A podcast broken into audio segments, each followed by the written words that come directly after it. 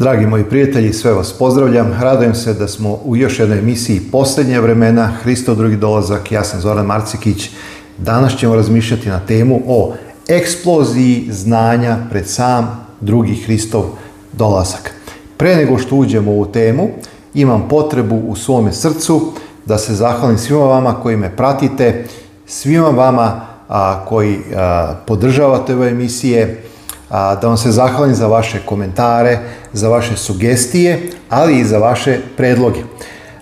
Znate, ja sam čovjek kao i svaki drugi, a možda ovo izgleda lako kada vi gledate sa, sa te druge strane, ali svaka emisija zahteva određeni napor. Koliko puta ja samo kliknem na pauzu, pa ponovo, pa iznova, pa napravio sam lapsus, pa nije dobro, pa ovaka rečenica, pa onaka rečenica i mnogo, mnogo vremena, pa dok se sve to montira, pa dok se sve to stavi na internet i mnogo je tih emisija.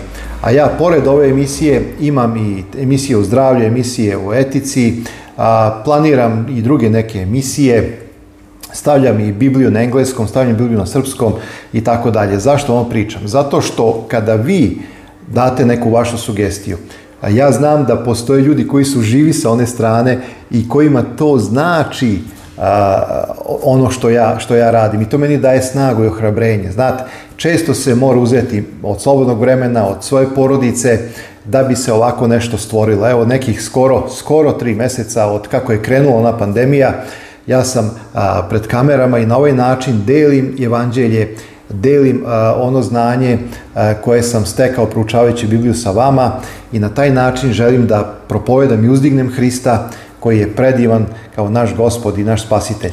Kada dobijem feedback od vas, to meni daje snagu i osvjedočenje da to što radim ima smisla, ima svrhu. Zato, dragi moji, hvala vam puno za svaku podršku, jer neka vas dragi Bog blagoslovi. Hajde da se udružimo. Moj cilj, moj cilj, zašto sve ovo radim, jeste da uzdignem Hrista, da dam svoj doprinos dok sam živ, dok imam snage i energije, da propovedam ono što nas uči Biblija, što je zapisano u reči Božjoj, a što može biti na korist i na spasenje svima, svima nama. Zato neka vas, dragi Bog, oslovi, hajde da se udružimo i hajde da damo doprinost da se uzdigne Hristos i reč Božja, jer vidimo da sve ovo što nas okružuje ludost i da ljudi odlaze u određenu devijaciju kad je u pitanju shvatanje određenih stvari, odlaze u nemoral, umovi ljudi su sve više bolesniji i dragi moji, ako mi kao hrišćani čutimo i ako ne dajemo svoj doprinos, onda će progres i širenje zla uzeti još veće, i veće razmere, a mi ćemo biti odgovorni pred Bogom zašto nismo dali svoj doprinos. Evo, to je samo jedan podstrek jedan, jedan motiv da se malo trgnemo, da se malo probudimo i da zaista stanemo rame uz rame i u srce u srce da evo dok imamo vremena milosti na ovome svetu i slobode, medijske slobode, da na ovaj način također možemo propagirati i propovedati reč Božu. Naime, kao što sam rekao, neki od vas su dali predloge, ja imam mnogo predloga i hvala vam na tome, ali želim da se unapred izvinim ako ne budem uspeo sve da obradim. Jer ja lično imam negde materijala kojeg sam spremio, koji sam pripremio, da ako bi snimao dve emisije svaki dan, ne bi mi bilo dovoljno dve godine. Ali želim da se pomolim Bogu kada dobijem neki predlog od vas i da vidim da li je Bože volja da upravo to snimim. I ja sam ovaj put bio svedočen i uzimam dva predloga koje su stigle od vas. Prvi predlog je obradi temu o, eksploziji znanja pred Hristo dolazak, a druga je nevjerojatno povezana, iako dolaze sigurno dve različite osobe koje se možda i ne poznaju. Druga tema jeste šta to znači kada je Isus rekao da mora da skrati one dane jer niko ne bi opstao. Šta to znači? Šta će to čovjek učiniti? Kako će ta nauka, u kom pravcu ići? da, da će čovečanstvo doći u jedan trenutak, u jedan moment kada može da uništi sebe i da sebe istrebi sa ove naše planete. Zamislite, dragi moji, kako je zlo progresivno i kako kad mu se da malo i ako se ne spreči, ono, ono odlazi u, u totalno uništenje. Eto, to je greh, to je, to je zlo. Naime, uzimam u svoje ruke reč Božju, moju dragu Bibliju, Danilo, prorok Danilo 12. poglavlje. 12. poglavlje govori o kraju. O momentu kada će Isus u nebeskim dvorima reći dosta je, svrši se. Kada će skinuti svoje svešničke odeće i obući carske i staviti krunu i kao car nad carevima i gospodar nad gospodarima doći na ovaj svet da odbrani narod svoj. Narod Boži na zemlji bit će u teškom haosu bit će u teškim okolnostima, doživjet će žestoko progonstvo, jer će vreme biti žalosno, teško vreme kakvog nije bilo od postanja sveta. Hajde da pročitamo te tekstove. A u to će se vreme podignuti Mihajlo, veliki knez koji brani tvoj narod i bit će žalosno vreme kako ga nije bilo kako je naroda do tada. I u to će se vreme izbaviti tvoj narod, svaki koji se nađe zapisan u knjizi i mnogo onih koji spavaju u prahu zemaljskom. Vidite, još jedan tekst koji govori da kada se Isus pojavi na oblacima slave, kada dolazi novi svet da brani svoj narod, tada će se desiti vaskrsenje i pravednih i onih koji nisu to bili. Kaže, mnogi koji spavaju u prahu zemaljskom probudit će se na život večni, a drugi na sramotu i prekor večni. Oni koji će se probuditi kao oni koji odlaze u večnu propast, prekor večni, desit će se ovo vaskresenje nakon hiljadu godina, o tome smo proučavali u osnovnim doktrinama.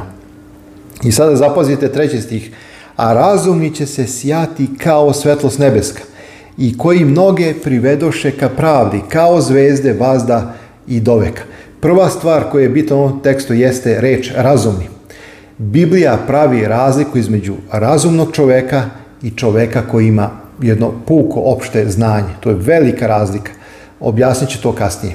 Druga stvar, razumni su oni koji su prihvatili plan spasenja, koji su prihvatili Hrista i oni koji su mnoge druge priveli ka pravdi.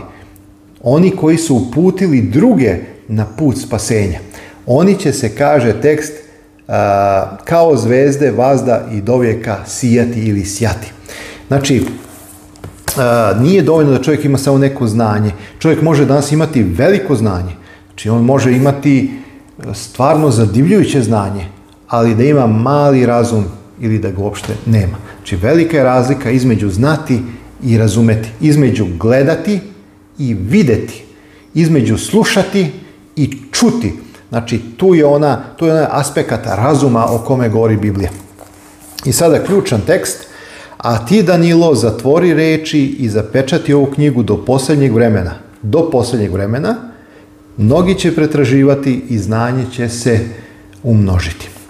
Znači, prorok Danilo, nadahnut Božim duhom, gledajući proročki unaprijed, kaže da će se pred sam kraj znanje umnožiti. Mi to zovemo eksplozija znanja koja se desila i koja, ajde, mogu da kažem, kreće sa početkom 20. sa početkom 20.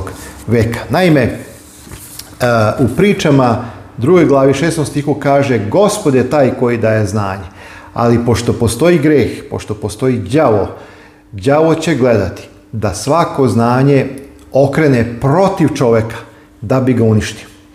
A, zato, dragi moji, pošto je čovjek gurnuo Boga u stranu, oslanjajući se na svoj razum, doba razuma, prosvjetiteljstva, pogotovo taj period, čovjek umjesto da to znanje iskoristi na blagoslov, on ga koristi sebi na štetu. Pa evo samo jedan primjer, uzmite Nikolu Teslu. Ja verujem da je Nikola Tesla to znanje dobio od Boga, jer je bio sa druge strane plemeni čovjek. Nije ga interesovao novac, nije bio materialista. Bio je čovjek koji je voleo znanje i bio je posvećen tome znanju. I dragi moji, kada je došao kod jednog investitora, kod jednog čovjeka koji je bio izuzetno bogat i kad mu je izneo svoje planove, ovaj čovjek ga je odbio. A vi se sećate zašto? zato što nije imao koristi. Nikola Tesla je imao patent gdje bi energija koju bi on omogućio čovječanstvu bila besplatna. I to se svakako nije svidjelo ljudima koji su bili u svom srcu sebični. Evo, to je to. Znači, znanje dolazi od Boga, ali zbog sebičnosti, zbog arogancije, zbog pohlepe, čovjek uništava samoga sebi i zato danas živimo u zagađenom svetu. Ali to je neka druga priča. Zapazite nekoliko samo stvari.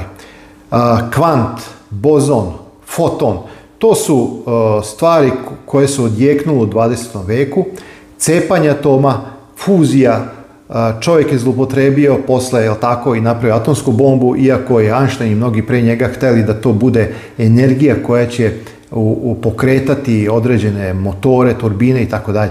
Znači, vidimo da sve što se desi otkrićem nauke čovjek zloupotrebljava. Da ne govorimo o keyboardima, ljudima u kome su ugrađeni implementi kompjuterski, ljudi koji su napravljeni da budu pol ljudi, polu roboti, da ne govorimo o 4G, 5G mreži, o protoku informacija. Recimo ono što se nekada dešavalo kad je u pitanju pronalaženje optičkog kabla, u Japanu su pronašli optički kabel u prošlom veku, koji je bio debljine kao kosa, kroz koji je u jednoj sekundi moglo da prođe nekoliko trilijona, evo ovdje sam zapisao sada,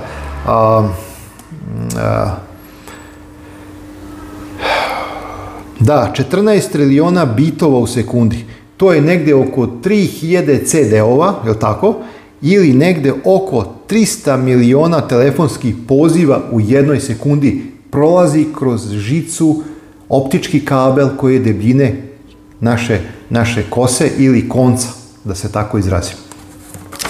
Zatim, dragi moji, kad je u pitanju 20. vek, u 20. veku da bi se dostigla cifra od 50 miliona korisnika, medijima kao što recimo radio, trebalo je 38 godina da to postignu.